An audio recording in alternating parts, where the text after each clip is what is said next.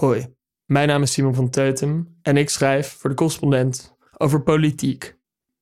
Deze week gaat het over de energietransitie in Nederland, want daar gaat het hartstikke goed mee. Daar komt ie. Stel je voor dat een waterleiding in de Johan Cruijff Arena barst. Er valt één druppel op het veld. Maar het lek wordt groter en iedere 60 seconden verdubbelt de hoeveelheid water die op de grasmat neerdaalt. Twee druppels in de tweede minuut, vier druppels in de derde minuut en zo verder. Hoe lang duurt het voordat het hele stadion tot de nok toe vol staat met water? Je zult het misschien niet geloven, slechts 43 minuten. Nog voor het rustsignaal gaan alle spelers, fans en vlaggen kopje onder. Dit fenomeen is wat statistici exponentiële groei noemen. Een paar jaar geleden associeerden we dat nog met de dreiging van een virus. Maar nu zien we exponentiële groei op een plek waar we wel blij van worden. In de razendsnelle overgang van Nederland naar duurzame energie.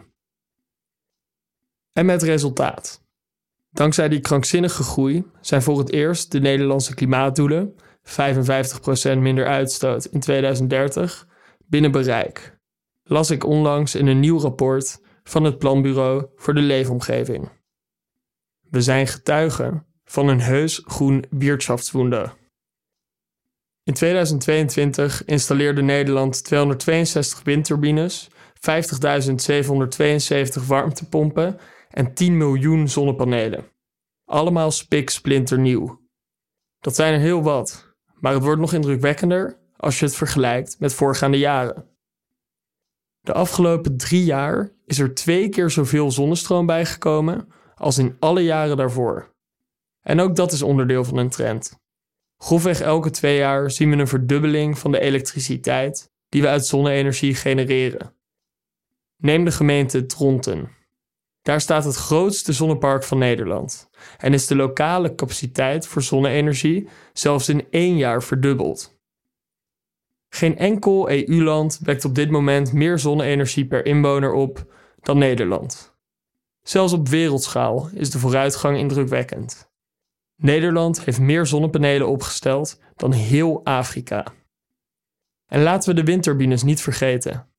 Tegen 2030 wil Nederland met zijn windparken op zee vier keer zoveel elektriciteit opwekken als nu.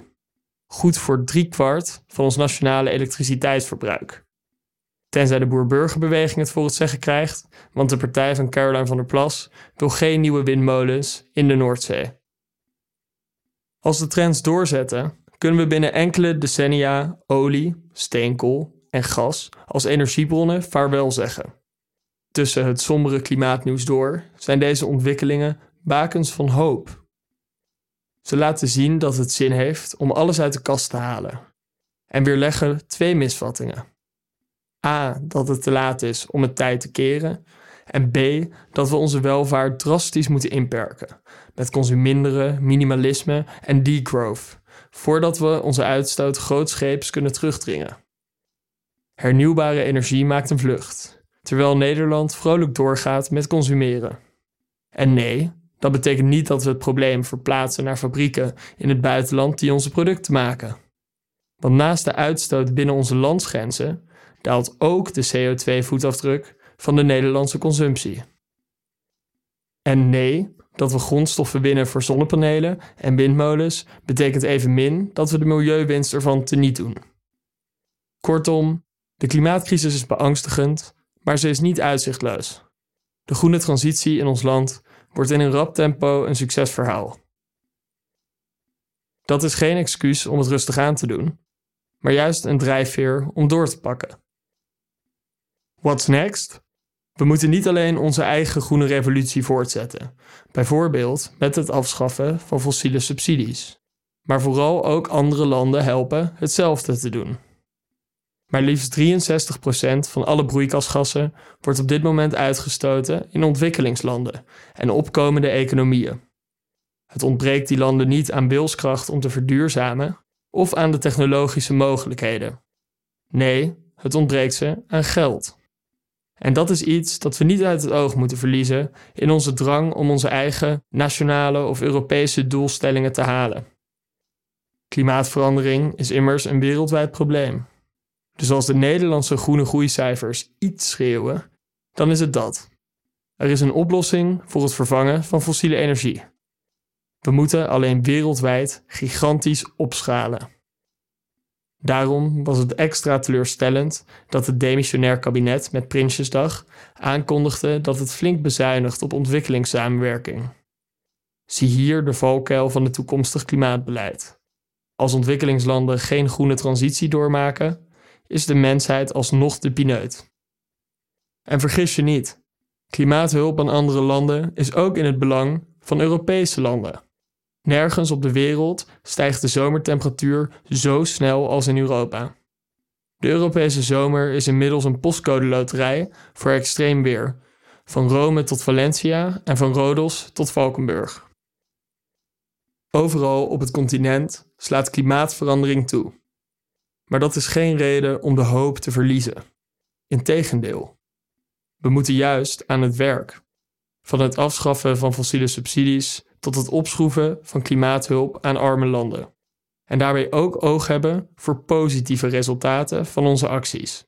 Zoals het feit dat verduurzamen meer banen creëert dan het kost.